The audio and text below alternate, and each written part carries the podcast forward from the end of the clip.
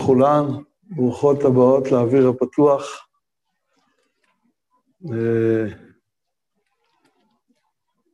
אנחנו נמצאים בשלב שהלימוד הוא מסובך ומורכב, אבל זה רצון השם. אנחנו רצון השם, כל השאר לא מעניין אותנו. אם רצון השם שנלמד ככה, אז uh, בשמחה ובטוב לבב אנחנו לומדים כך. זכות היא לנו לעשות רצון השם כרצונו. בסידור הספרדי יש ביטוי לעשות רצונך כרצונך. לפעמים אנחנו רוצים לעשות את רצונו כרצוננו. כלומר, אנחנו רוצים לעשות את רצונך בתנאי שזה מתאים לדרך שהרצון שלנו שתרצה. אבל לעשות רצונך כרצונך זה שאם אתה רוצה שהלימוד יהיה באופן הזה של אה, אוהל בחוץ, עם אוויר ועם מרחב ועם שמש ועם uh, מרחקים ומסכות, ו... אני גם יש לי מסכה פה, אבל עשו לי אותה קצת גדולה כדי שיהיה לי יותר נוח לדבר, אני מודה לכל העוסקים במלאכה. ו... עם אה, הרבה מאוד קשיים, חלק גדול אה, בבית בכלל. אנחנו רוצים לעשות רצונו כרצונו. וכנראה שעכשיו זה רצונו. רצונו שנשמור, שנקיים מצוות ונשמרתם בהידור, רצונו שנתחשב בכל הצרכים המקבילים, ורצונו שבתוך כל המסגרת הזאת נעשה את המאמצים ללימוד הכי איכותי, הכי משמעותי שאנחנו יכולים, ולכן לא עשינו רק זום, אלא הבאנו גם את המספר המותר לכאן ללמוד uh, בפועל. אז ברוכות הבאות, ואני לא רוצה להגיד שבמהרה נחזור, ככל הנראה לא נחזור במהרה צריך להבין את זה, צריך להתכונן לזה, ולא צריך לספר לעצמנו חלומות באספמיה. אנחנו רוצים שיבנה בית המקדש היום, ויבוא משיח היום, וכל המחלות, וכל הצרות, וכל הבעיות, וגם תחיית המתים היום. אבל יש הבדל בין להתנהל בתוך המציאות לבין ציפיות עליונות שאנחנו מחויבים בהן, אף על פי שהתמהמה בכל יום. אחכה לו שיבוא. אבל יש גם את ההכנה הטבעית להמשך החיים הנוכחיים.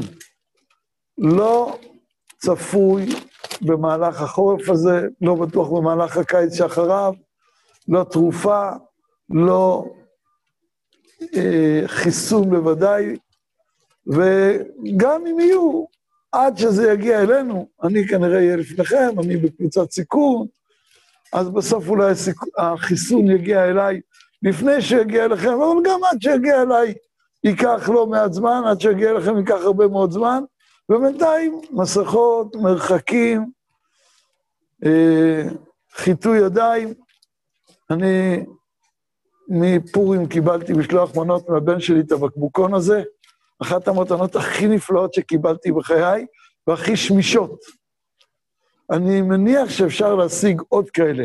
זה קיבלתי משלוח מנות לפורים, עם איזה אה, צמיד שאפשר להצמיד את זה ליד, אני את הצמיד אה, הזדכיתי עליו מסיבות שלי, אבל היום המומחים אומרים שלושה דברים, מרחקים, כמו שיש פה, ברוך השם, מסכות, וגם אה, את החיטוי. היום בבוקר מילאתי את זה, כבר uh, התחלתי להשתמש, ואני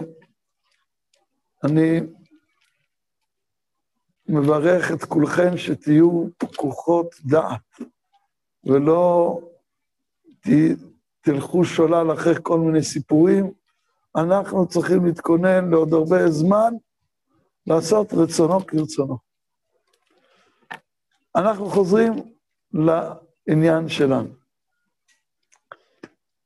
אנחנו היינו בחלון של אוברטון, זוכרות? ונדמה לי שהפסקנו באמצע.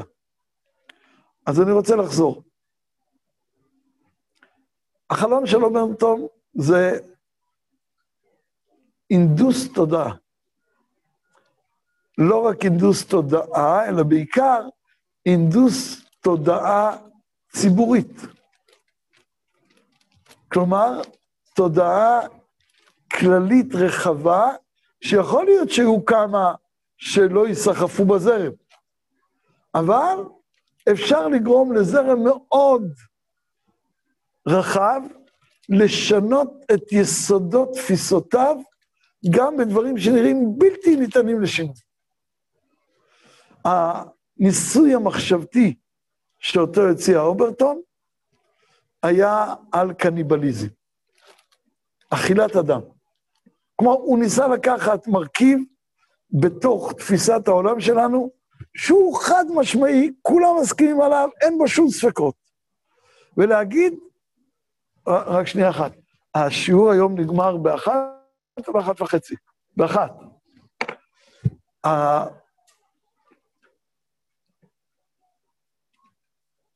הניסיון שלו היה לראות איך אפשר להפוך את התודעה הציבורית לכזאת שאכילת אדם היא מרכיב לגיטימי, פעיל, ואפילו יותר מזה, כפי שנראה. היום יש דברים דומים שעוברים את אותם תהליכים, אנחנו נמנה שניים. אחד שנמצא בשלב שניים של התהליך, ואחד שנמצא בשלב שש של התהליך. אמרנו כבר שיש שישה שלבים, מה בדיוק השישה שהוא כתב אני לא זוכר, מה השישה שאני אמרתי פעם שעברה אני גם לא זוכר. אני כל פעם הולך ליד וממציא לי את השישה שלי, זה ככה. יש לזה חסרונות, אבל יש לזה גם יתרונות. אתם יכולות uh, לקחת מה שאתם רוצות, אם צריך חסרונות. זה נוח לכם מצוין, אם תרצו את היתרונות, על הכיפאק. השלב הראשון הוא לעקור את האוטומטיות של השלילה המוחלטת. איך עושים את זה? קודם כל משנים שם, מכבסים את השם, ולוקחים שם במקום שלילי מוחלט, מסקרן ומושך את הלב עד כמה שאפשר, לפחות מסקרן ומנטרל. לדוגמה, במקום להגיד קניבליזם, להגיד מנהג אזוטרי ממרכז אפריקה. טוב, מנהג אזוטרי ממרכז אפריקה, אולי זה, זה דרך לטבל את הבשר, שיהיה מאוד טעים, הם יודעים לאכול בשר כנראה יותר טוב מאיתנו, בלי להגיד קניבליזם. אולי זה מנהג אחר, אבל מנהג אזוטרי, נוגע ליצר האנתרופולוגי של כל אחד מאיתנו, שרוצה לדעת איך אה, מתנהלים הדברים בכל מיני שבטים נידחים, שיש להם אה, צורת חיים שונה, וגם הרבה פעמים מרשימה, מסקרנת, וגם כמובן חלקים שלא היינו רוצים. אבל כשאתה אומר מנהג אזוטרי, הוא... קודם כל, חלק מהאנשים אפילו לא יודעים מה זה אזוטרי. אז זה הכי כיף. אבל אלה שיודעים מה זה אזוטרי, מה זה משהו כזה יוצא דופן, מיוחד, כמעט אקסקלוסיבי. אז זה החברה הגבוהה של מרכז אפריקה. ואחר כך אתה עושה על זה מחקרים אקדמיים ומפגשים אקדמיים, כי אקדמיה היא לא דנה בטוב ורע, היא חוקרת תופעות. בלי להגיד שיש לה שיפוטיות חלילה על התופעה. מה, אנתרופולוג חוקר רק שבטים נחמדים? לא. הוא חוקר שבטים. אם הם נחמדים, אז הוא מציין את זה במחקר שלו. אם הם לא נחמדים, הוא מציין את זה במחקר שלו. אבל המחקר לא מותנה בנחמדות של המושא של המחקר. לכן, יכול להיות שזה מאוד לא בסדר. אני בכלל לא נכנס לזה. נטרול. אני דן בזה. מחליפים דעות. אז אני גם עושה את זה במסגרת מנטרלת, וגם קורא לזה שם מנטרל. אפילו יוצר איזה גישה חיובית של סקרנות למי שלא יודע, ואיזה משיכה. מה, עשיתי משהו לא טוב? ניתקתי שם משהו? עם הרגל? לא. בינתיים יש פה תודות לאלה שענו על השאלות שאני לא עליתי. אה, אז אם כן, היה פה ניטרול, סקרנות, עמידה מהצד, שום הבעת עמדה וגם לא מתן לגיטימציה כלשהי. אבל זה כבר חלק מסקרן, או לפחות מנוטרל מהשיח. שלב א', הנדסנו את התודעה. כלומר, זה שני שלבים, דיונים אקדמיים והחלפת השם. שלב שלישי זה להגיד שאני לא מסכים לזה. אבל אני לא יכול להגיד שזה לא לגיטימי. במרחב התפיסות בעולם הזה, שיש כל מיני תפיסות שונות ומשונות ומחלוקות גדולות, מחלוקות גם שמביאות לידי מלחמות שהורגים אחד את השני, ובכל זאת גם אלה שהורגים נמצאים באו"ם תחת קורת גג אחת, אז זה לא נורא שהורגים אחד את השני במסגרת מחלוקת. זה לא עוקר את זה מלהיות חלק מהפרצוף האנושי הכללי. אז אני רק אומר, אני לא מביע דעה, אבל אני גם לא חושב שזה בלתי לגיטימי. זה לגיטימי. ואחרי זה, כיוון שזה לא בלתי לגיטימי מרישה, אז אני מכניס כל מיני שאלות למחוקק, לשופט, שזה חלק מהמרקם החברתי שצריך מענה משפטי, חוקי, סטמפלה של הציבור, של החוק והסדר. אז מה קורה אם שני יורשים יורשים את האבא, והוא כתב בצוואה שהבן הגדול יאכל את יד ימין והקטן את יד שמאל, ואילו האימא אומרת שזה צריך להיות הפוך, היא עדיין בחיים, כמי פוסקים בצוואה כזאת? שאלה.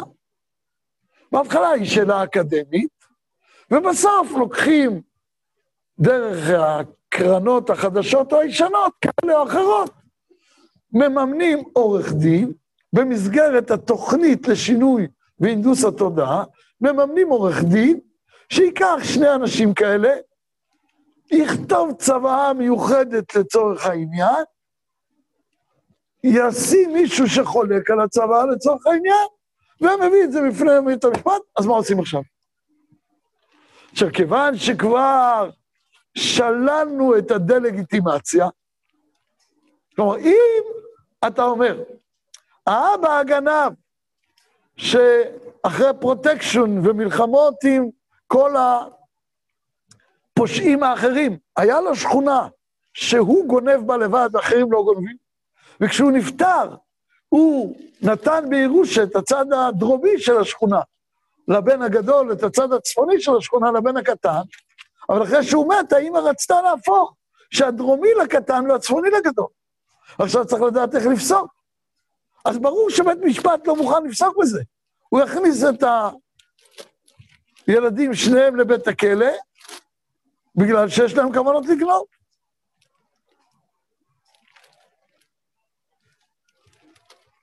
טוב, עוד מעט אנחנו גם נסתדל להסתכל בצ'אט עם כל השאלות שיש שם. ברגע ששופט מוכן לפסוק לשואלים כאלה, סימן שהוא כבר נותן גושפנקה שיפוטית, ואם זה חקיקה, גושפנקה חוקית, שזה חלק מהמרקם הלגיטימי של החברה. אז אחרי שניטרלנו את השלילה, אנחנו צועדים לעבר לגיטימציה. לא הזדהות, אבל לגיטימציה. בדרך גם, כמובן, שולחים מישהו שהוא בין כה וכה פרא אדם, ולא מחפש למצוא חן בעיני אף אחד, ואולי מציעים לו גם הרבה כסף, שיגיד, אני דווקא בעד קניבליזם. ואני לא רוצה לפגוע קודם כל באחרים, אבל כשאני אמות אתם יכולים לאכול אותי. איזה אלטרואיסט, קניבליסט אלטרואיסט. אכפת לו מאחרים, הוא לא, אין לו אגו. הוא לא רוצה לאכול מישהו אחר, הוא רק מוכן שיאכלו אותו. איזה מוסריות, איזה ערכיות. זה דגם. אתם חושבות שאני צוחק? עוד מעט נראה. זה הכל רציני עד אימה. מהפך לנו את כל התרבות שסביבנו. ככה הדברים קורים. חלקם בכוונה, חלקם שלא בכוונה. מה המינון ביניהם ואיך יודעים את השאלה הזאת? שאלה קשה שאני לא יודע. אני יכול להגיד שאלה שככל שהם מתמקצעים בדבר הזה, מייחסים יותר ויותר כוונות זדון ולא אומרים שזה קורה לבד.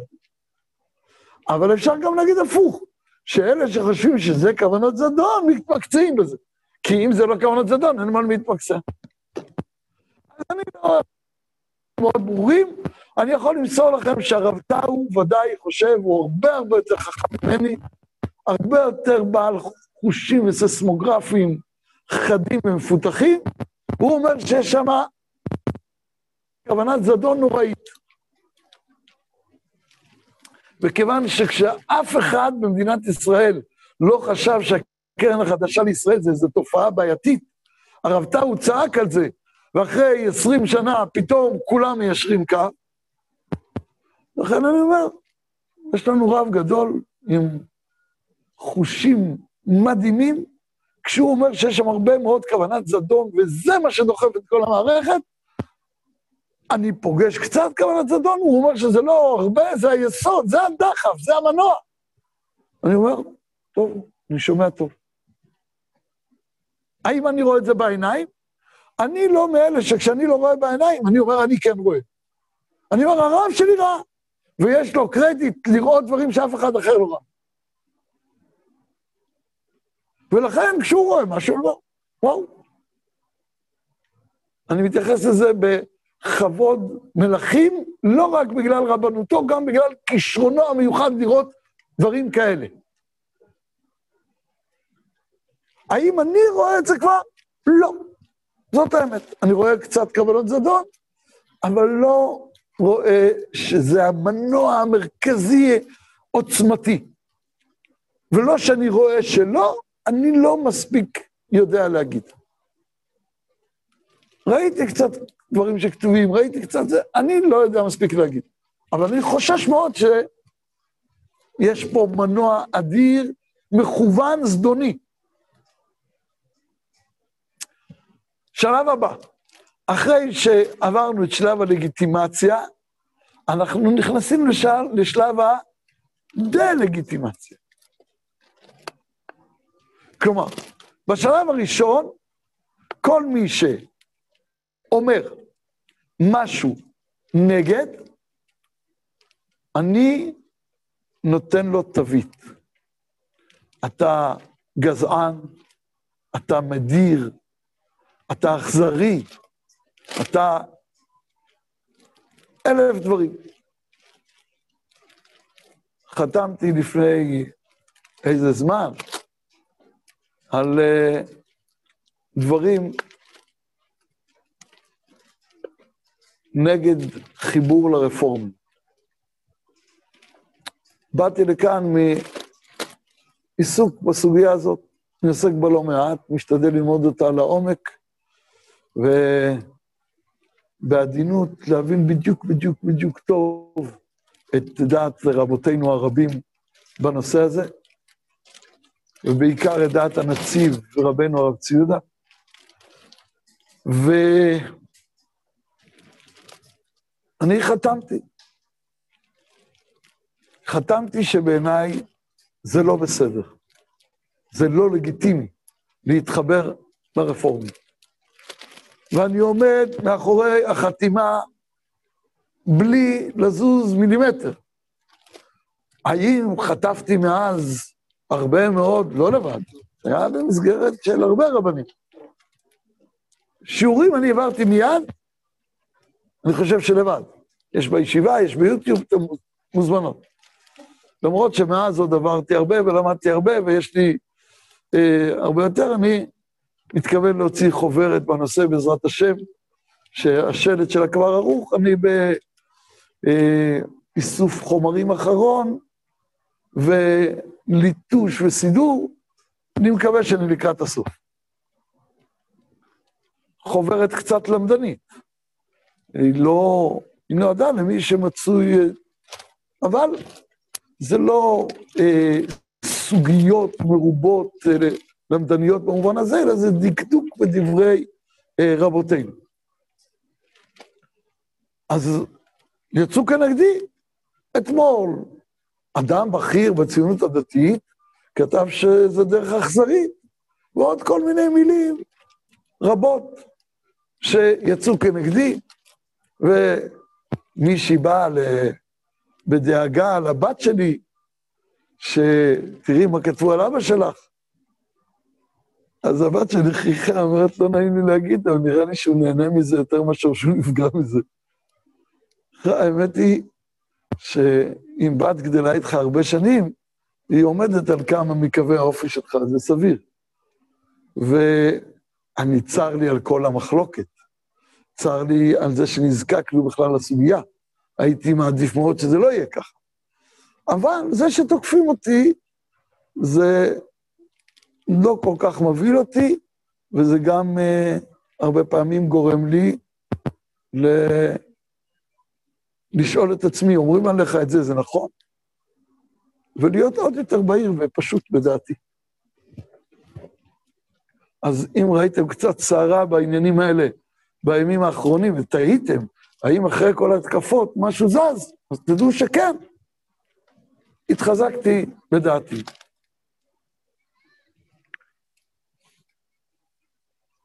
אז מה עושים? מתקיפים. אני מודה, גם אנחנו נתקפנו. אמרנו את דעתנו התורנית. זה תפקידנו כרבנים.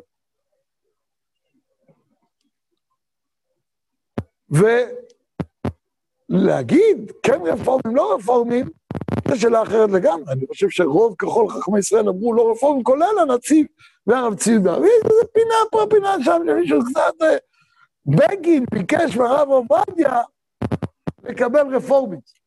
הוא קיבל גם את האפיפיור. מה, מה זה קשור? אז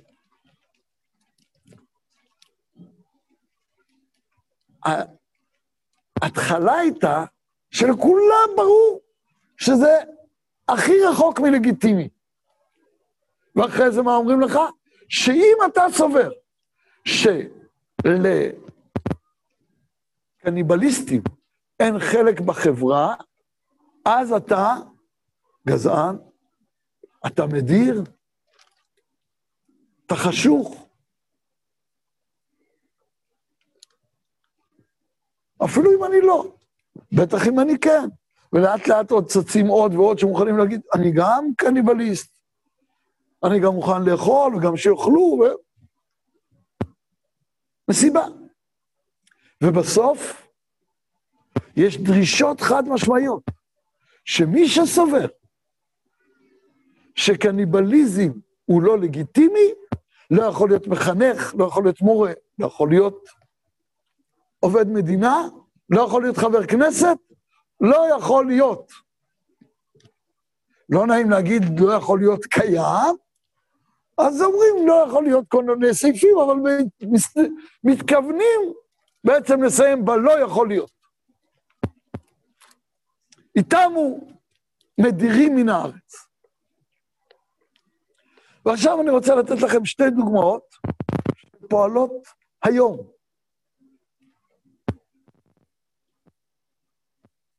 האחת היא פולומריה, פוליאמוריה, ריבוי האבות, בשם ה... שבא להחליף את המילה ניאוף, והשני זה להט"ביזם.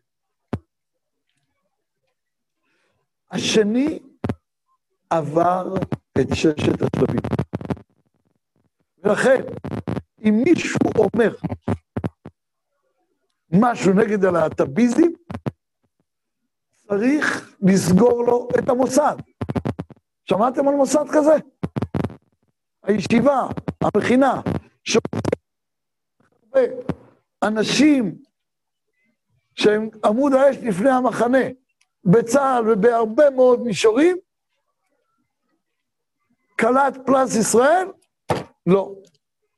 אולי דיברנו על כל זה פעם שעברה בכלל. דיברנו? אני סתם חוזר על עצמי כמו תקליט שמור, שחוק. לא נורא, נחזור. דיבר... לא שמעתי. אבל, מרחיב קצת. טוב, אז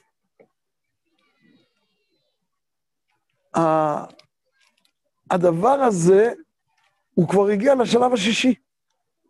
בפוליאמוריה זה הגיע לשלב השני. ועכשיו אני רוצה לספר לכם סיפור. וזה נוגע גם לשאלה שעלתה פה, איך מחנכים דור שכבר הושפע מהמדיה? מה, מה עושים עם זה?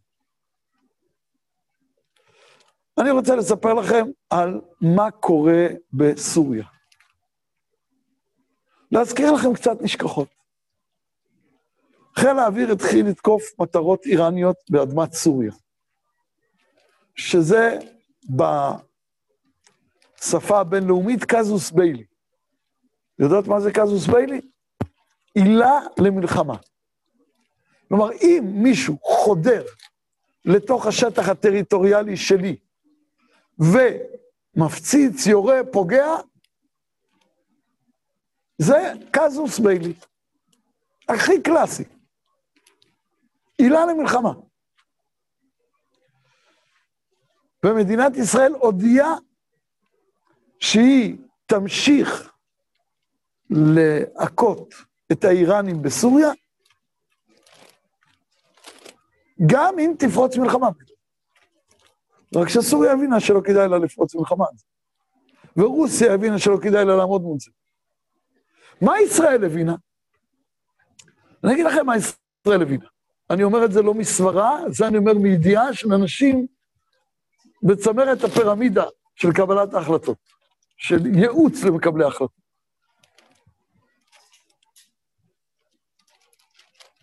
כשישראל טיפלה בחיזבאללה, היא הכרעה את הרכבת. אם היינו מטפלים בחיזבאללה באומץ לב, בלי להתחשב יותר מדי באומות העולם כשהם היו קטנים, לא הייתה גדלה המפלצת הזאת, שאין כדוגמתה על פני הגלובוס, 60 אלף ראשי נפץ מכוונים למדינה אחת. אין עוד בגלובוס דבר כזה.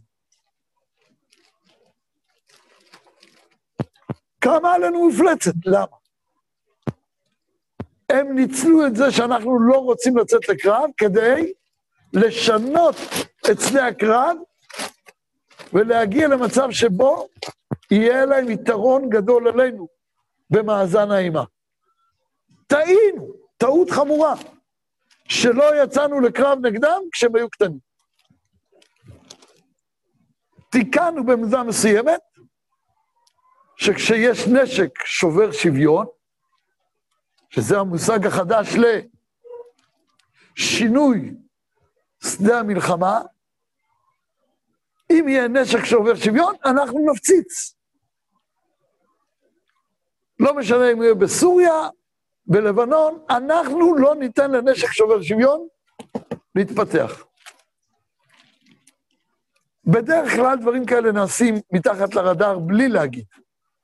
אבל אם אתה רוצה להכות חזק, אתה צריך להגיד. ואתה צריך להגיד, אני מוכן לצאת למלחמה. ואם הצד השני יודע שאתה צריך, מוכן לצאת למלחמה, והידיעה הזאת בתקשורת, בבמה הבינלאומית, היא חלק מהאמירה, אני מוכן לצאת למלחמה, אני מתכוון עד הסוף. אני לא מגמגם. עכשיו אתה עשית שובר שוויון. אני שמעתי הרצאה בתוך מסגרת ראשי ישיבות ההסדר, מאדם שקרוב מאוד למקבלי החלטות, שהוא אמר, הוא היה בין אלה שאמרו חייבים להכות בסוריה ולהגיד את זה. ולהכות חזק. והוא אמר אפילו יותר חזק ממה שעושים להם. צריך לצאת למלחמה. כלומר, אנחנו נלחמים כאילו זה מלחמה. מכים בלי הרף. והם מצאו איזה דרך ביניים. יכול להיות יותר חכמה. אני לא בעל מקצוע בתחום. אבל יוצאים בקול גדול. לא ממתינים. כי הזמן פועל לרעתנו ולטובת האויב. אם הוא יתבסס, ויהיה בסיס איראני בסוריה על גבול הגולן, יהיה לנו הרבה יותר קשה אחר כך לטפל בזה. בתולדות המלחמות בעולם, הרבה אימפריות הפסידו כי הם יצאו למלחמה מאוחר מדי. כשכבר זה היה זמן פחות נוח להם, והצד השני ניצל את ההזדמנות שהייתה לו. הוא התעצם, הגיע להזדמנות שנוח לו, ואז יצא לקרב. ואימפריות ענקיות נפלו, בגלל שהם חיכו, ובסוף הקרב היה בזמן ובסיטואציה לא נוחה להם.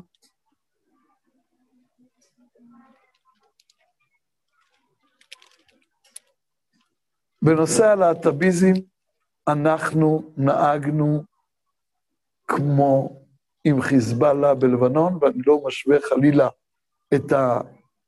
עכשיו יצא כותרות שאני השוויתי את uh, הלהט"ביסטים לחיזבאללה, נכון? זו המסקנה הישירה ממה שאמרתי. כל בר דעת מבין. אז לכן אני מבהיר לכל ברי הדעת ההם, יש בר מינן, יש בר דעת. אז שאין בהשוואה הזאת שום דבר לעניין השיפוט המוסרי. רק לעניין שכשאתה יוצר למאבק, יש מצבים כאלה שאתה יוצא מאוחר מדי ויכולת לנצח, ובגלל שהמתנת, בגלל כל מיני חששות והססנות, הפסדת. יש דבר כזה שחששנות והססנות הם גורמי הפסד. גיבור מנצח.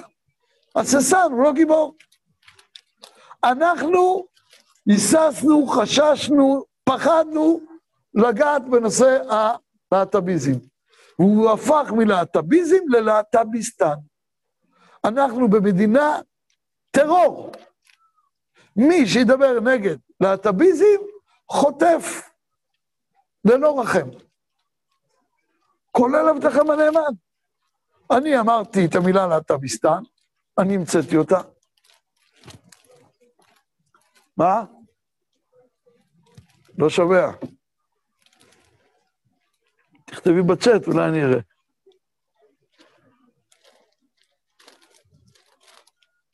הרב שמואל אליהו פעם אה, השתמש בזה גם כן, לשמחתי, ופעם באיזה הרצאה באיזה בית מלון בירושלים, אני, אה,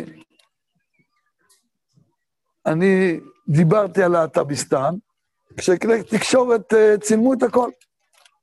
ואז מיד, ראש העיר רמת גן, ויאיר לפיד, ואחרים קראו להדיח אותי מראשות הישיבה. אחד כזה, אסור לו להיות מחנך, לא של הילדים שלהם. אתם הפושעות, שאתם מתחנכות אצל אדם לא חסר ערכים, הפוך מכל ערך שכזה, שמעז לדבר משהו לא טוב על קדושת הלהט"ביזם. זאת היום האווירה במדינת ישראל. כשאלופים בצה"ל, גיבורים מסורים, אמרו שזה לא טוב לגייס בנות בצה"ל, לפחות לא ל... ליחידות קרביות, אני מתכוון, ובוודאי לא ליחידות uh, מיוחדות. ריסקו אותם. המון כסף עומד וממתין עם שליחים, ברגע שמישהו אומר משהו נגד חיילות ביחידות מובחרות, כולם מרסקים אותו. והגיבורים בשדה הקרב דממו, הרגו אותם. הם לא מעיזים להגיד את דעותיהם. תשאלו כל מי שעוסק בתחום, בחדרי חדרים, הוא שומע דעות מאוד נחרצות, בחוץ דממה. למה? יהרגו אותי. אנחנו נמצאים בנש... במדינה אה, שהיא טרור נגד דעות של שילוב בנות ביחידות מובחרות, או בכלל ביחידות קרביות, טרור נגד להט"ביסטן, וקרב צמוד על שאלת הפוליאמוריה. כשאנחנו נזעקנו על הפוליאמוריה, אז כתבים בערוץ 7, אומרים, מה אתם, מה, מה, מה, מה? אני אגיד לכם מה.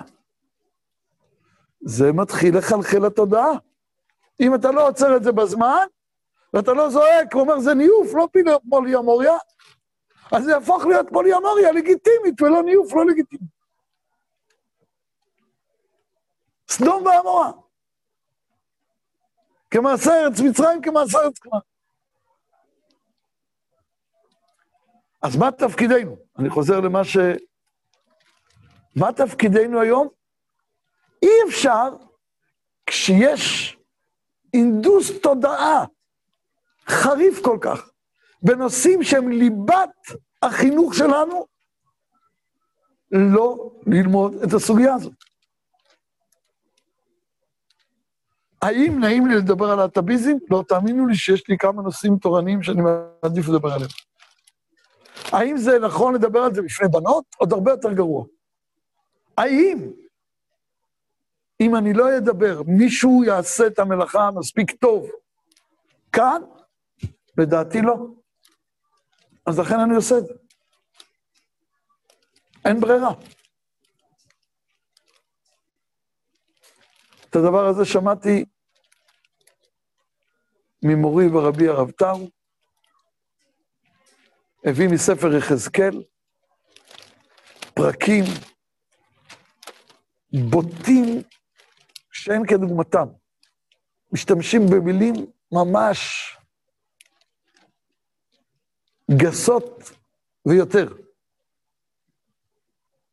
הוא אומר, למה? הוא אומר, אם יש תאונת דרכים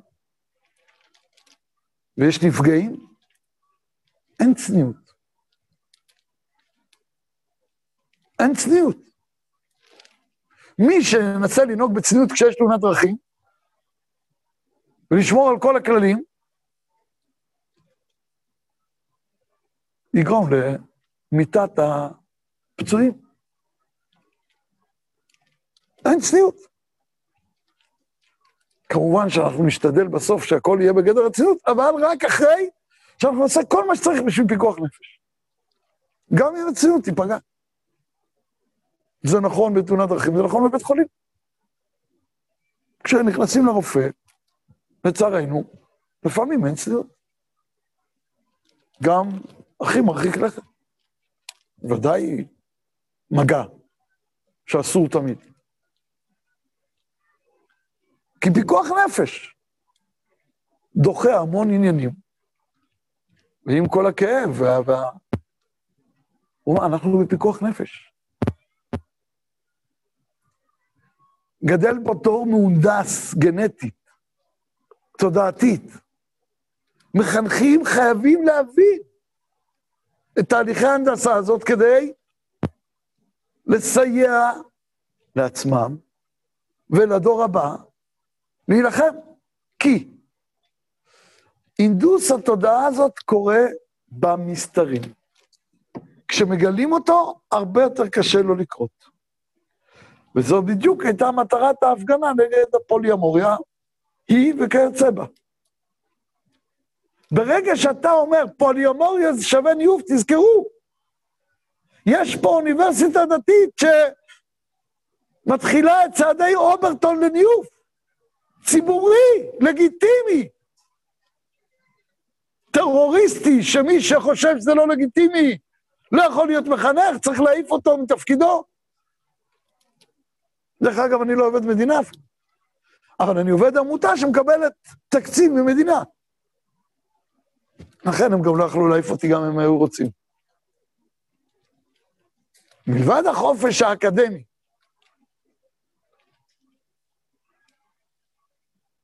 שהוא לא כל כך פועל על רבנים, אבל...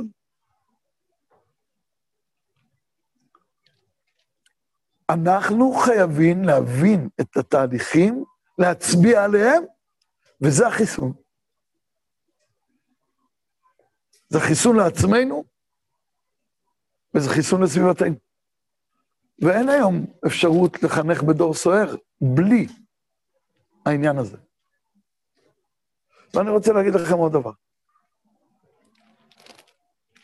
בדור סוער שכזה, עם הנדוס תודעה ויותר ויותר טרור תרבותי, ציבורי, אי אפשר לחנך בלי אומץ. זה לא עסק לפחדנים. מי שמפחד,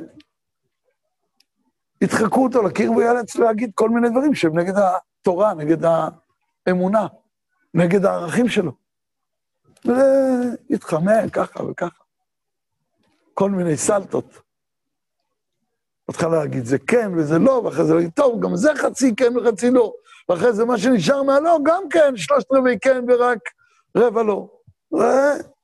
פיחות זוחל, זה השינוי תודעה. אתם הולכות להיות מחנכות? זה לא שאני אומר לכם, אם אין לכם אומץ תעזבו. לא, אסור לכם לעזוב. אנחנו חייבים אתכם. אנחנו זקוקים לכם. ואנחנו זקוקים לזה שאתם תחשפו את האומץ שלכם ושתוכלו לעמוד במערכה. אנחנו לא אומרים במלחמת חובה, במלחמת מצווה, איש הערב ורך הלבב וילך וישוב לביתו. זה רק במלחמת רשות. במלחמת חובה כולם הולכים. ואם אתה ערך ורך הלבב, תחטוף עד שתהיה אמיץ. לא בכל מלחמה מחזירים את uh, מי שהרס אישה, או נטע כרם ולא חיללו. אם אנחנו צריכים להציל את ישראל מיד צר, יש עלינו מלחמה, כולם יוצאים. חתן בחדרו, כלה מחופתה. כלה מחופתה, לא ליחידות קרביות. לסייע. לא בתור חיילת, בתור בת שירות. אבל כלה מחופתה. כולם חייבים בגיוס. זה סכנת נפשות כללית. גם עכשיו, כולם חייבים בגיוס, אין פטורים. אין דבר כזה להגיד, טוב, אני ערב ערך הלבב. אני לא אומר שכל אחד צריך להיות בכל משימה. גם כשיש מלחמה ומגייסים את כולם, לא כולם בסרט מטכ"ל אוטומטית. והצבא פועל עם שכל את מי לשבץ איפה. אבל זה לא זמן שבו אנחנו יכולים להגיד, אין לי אומץ, אז אני פורש. לא, אנחנו זקוקים לכולכם, ועם אומץ. ועם הרבה אומץ. האם אומץ גורם נזקים נוראיים, או גורם תועליות גבוהות? אני רוצה לספר לכם. מוסדות עלי הותקפו בלי הרף על ידי השמאל, וממילא גם כל מיני יפיופים בלא, משהו לא שמאל, אמרו כל מיני לא, אבל, כן, אבל, אבל, אבל. כל מיני אבלים. בה'. בישיבת עלי, למרות כל יקרותה, הותקפה, והסתכנה, וגם הפסיקו לתת לה חלק מהתרומות. תורמים הפסיקו לתרום לה. והיה חשש גדול מה יהיה עם התלמידים, אולי כל המוסדות יקטנו, כי חלק מהתלמידים של עלי לא באים מהאזור החרד"לי, מהר חומה בירושלים, או מבית אל בית. תלמידי עלי באים מאזורים אחרים לגמרי. הם הרבה יותר שכנים של בנט שקד.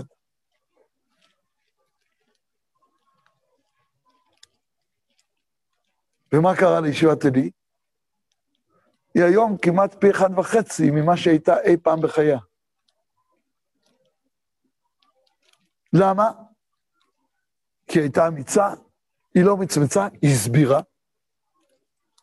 היא טרחה המון בלהסביר נכון וטוב, ושאי אפשר יהיה להאשים אותה בהאשמות שווא ולכער את צורתה, כמו שעושים למשל עכשיו, אותם להט"ביסטנים. המילה טיפולי המרה, מה זה טיפולי המרה? זה כמרים נוצרים שהכאיבו לאנשים והתעללו בהם כדי שישנו את נטייתם. האם אנחנו בעד טיפולי המרה? מה פתאום? האם אנחנו בעד לעזור לאנשים שרוצים להקים אבא עם המשפחה? בוודאי. היום מדינת ישראל רוצה לחוקק חוק שזה יהיה אסור. זה השלב האחרון של ה... אסור לפסיכולוג, ל... ל... כשבא אליו מישהו לבקש, אומר לו, אני בא נטייה חד-מינית, תעזור לי להיות אבא עם המשפחה, אם אני אגיד נורמלי, יתלו אותי בכיכר העיר, אז הנה אמרתי נורמלי, תעזור לי להיות נורמלי, שיתלו אותי, תעזור לי להיות נורמלי, ו...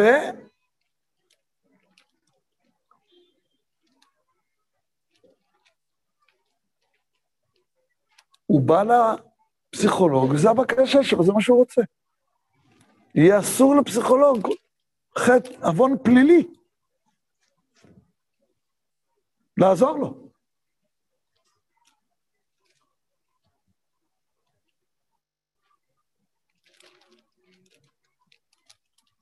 והימין החדש, שבתוך ימינה, נמנע מהצבעה על הדבר הזה.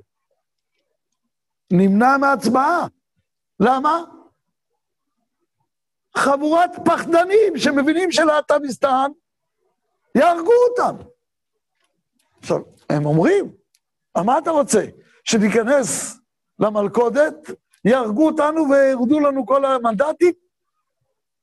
שאלה מעניינת. אני לא חושב שיש פתרון קל לשאלה הזאת.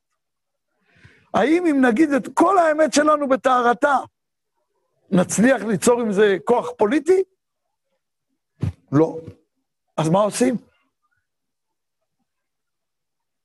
אני באתי לרבותיי שניסו לגייס אותי לנועם. אמרו לי, איך אתם הולכים עם בנט שקד? עכשיו, אני רוצה להגיד לכם, התייעצו עם הרבה רבנים, אני הראשון שאמרתי, צריך ללכת עם בנט. למרות שאני אמרתי עליו דברים חריפים קודם. אמרתי, צריך ללכת עם בנט. צלצל אליי בדיוק אחד הרבנים שהיה בקבוצה, עכשיו הוא על הטלפון. הוא אומר לי, מה? ללכת עם בנט? אמרתי לו, תשמע, אני, יש לי נטייה מתמטית. המתמטיקה שלי אומרת שבלי בנט ספק אם נעבור את אחוז החסימה. בפוליטיקה אחוז החסימה זה הדבר הכי קריטי, אין בלי זה. קראו לי לגייס לנועם, אמרו לי, איך אתה הולך עם בנט? שאלה מצוינת. הוא ניטרלי בנוגע ללטביזם. אמרתי, יש לי גם קושייה. בבקשה, זה בית מדרש, מקשים קושיות. נגיד שנועם יקבלו עשרה מנדטים. ביבי יזמין אותם לקואליציה. ושר המשפטים יהיה אמיר אוחנה. שהוא במוצר הקים בית שהוא לא בית. אלו דעותיו, הוא נלחם עליהם וגם גורם הרבה נזקים בתוך הליכוד. תיכנסו לקואליציה או לא? מה, הקמתם מפלגה בשביל לא להיות? אז הרב ששאלתי אותו, שהוא מורי ורבי, אמרתי לו, אני כיתה תלמיד לפני רבו, אבל יש לי שאלה. הוא אומר לי, באמת, אני לא יודע מה לענות לך. אמרתי לו, הרב, מצטער מאוד, בפוליטיקה זה לא יכול להיות התשובה. אם לא תיכנסו, אז עזבו את הפוליטיקה, תחנכו. מה, אתם רוצים ללכת להיות אופוזיציה לעולם? מי צריך את זה? אם, לא רק זה, בחשבון, אם אתה יוצר אופוזיציה גדולה מימין, אז אתה דוחק את המרכז לאיזה כיוון? שמאל. כי מהימין הוא לא יכול להקים ממשלה, כי הם לא מוכנים בגלל שיש שר, אז אתה דוחק אותם לשמאל. אז תישאר בבית, תחנך, תלמד תורה. ואם תלך איתם, אז מי לחש באוזן של מי? שללכת לממשלה עם שר שהוא מוצהר כזה, ונלחם על זה, זה מותר, אבל בשביל לא להסתכן במעבר אחוז החסימה, ללכת עם מישהו ניטרלי אסור. מאיפה? כמפלגות נפרדות. מאיפה יש ראייה שזה כך? הוא אומר לי, תשמע, אתה שואל פה שאלה רצינית, הוא לא, הוא לא... מה, אתה שואל שאלה רצינית. הוא הודה.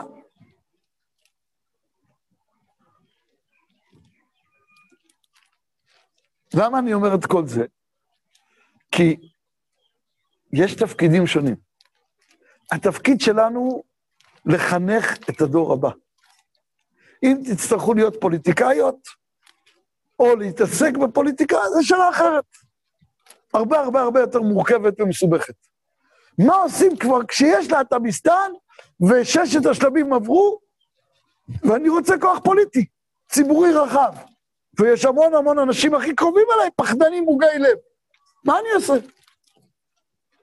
אבל בשדה החינוך אנחנו צריכים להקים דור אמיץ, מפוכח, מבין היטב את העניינים, מבין שזה שדה הקרב, הוא רוצה ללמוד את זה, הוא לא אומר, טוב, בסדר, לא בשבילי, אני...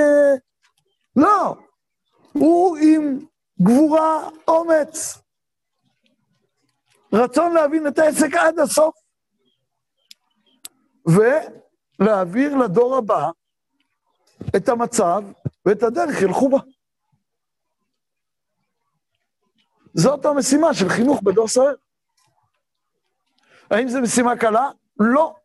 האם זה עושה לי חיים קלים? לא. אני רציתי לבוא לרמת גן כדי לקרב יהודים לאביהם שבשמיים. האם התופעה של האטמיסטן עשתה לי צרות צרורות בהקשר הזה? בטח לכולנו, פתאום אמרו עלינו הדתה. והוציאו את כל הבנות שירות שלנו ואת כל המורים שלנו מבתי ספר חילוניים ש, שרצו אותנו לקרב. לא מכולם לגמרי, אבל חלק לא מבוטל. למה? הם זיהו את ההצלחות שלנו לקרב, והם עומדים עם הרגליים האחוריות. גם אנחנו קצת מהנדסים תודעה.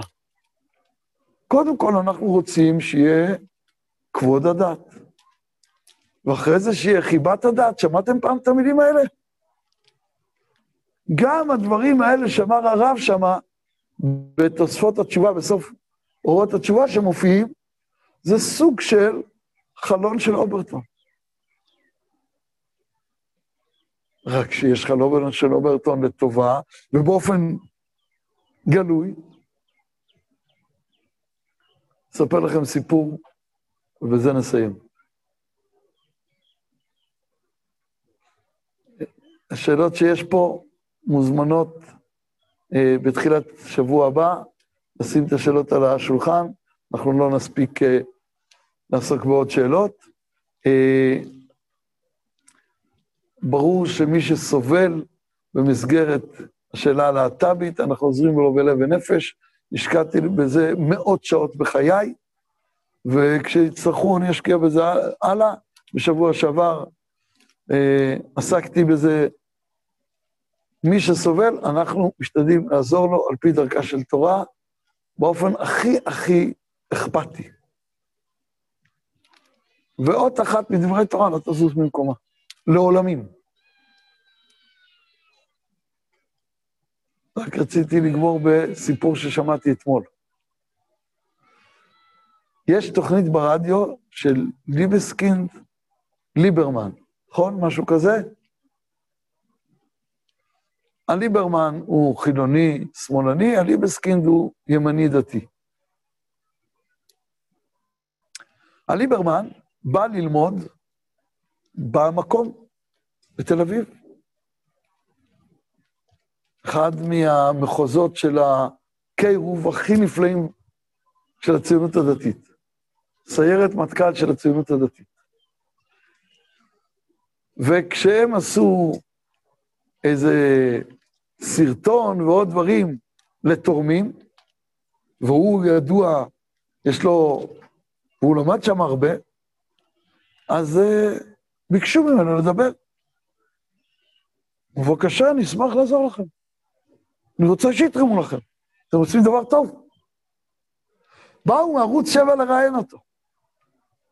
הוא אומר, כן, מקום נפלא, איזה מאור פנים, איזה אהבת ישראל, איזה אנשים מדהימים, שופך שבחים בלי... אם תחפשו, בטח תמצאו את זה. ואז שואל אותו הכתב, שאם אנשי המקום היו יודעים שזה מה שהוא אומר, לשאול, היו אומרים לו בשום פנים ואופן. הוא אומר לו, תגיד לי, אתה לא חושב שעובדים עליך? שמלמדים אותך, אבל בסוף רוצים להחזיר אותך בתשובה? אתה לא חושש מהחלום שלא באת? כמו אני? לא. א', הם יכולים להירגע, אני לא אחזור בתשובה. וב', אם זה יקרה לי ואני אשתכנע, מצוין, אני רוצה.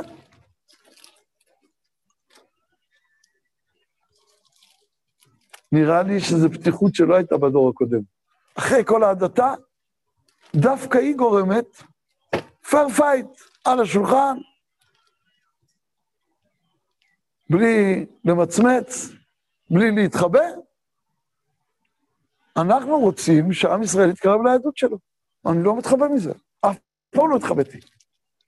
האם אני רוצה שהוא יחזור בתשובה? כן. האם אני מבין שלא כל אחד יחזור בתשובה ושלא בכל שלב זה הנושא? בוודאי. אבל לקרב ישראל לביום שבשמיים, זה אנחנו מאוד רוצים, בעזרת השם גם נעשה את זה. תודה רבה רבה.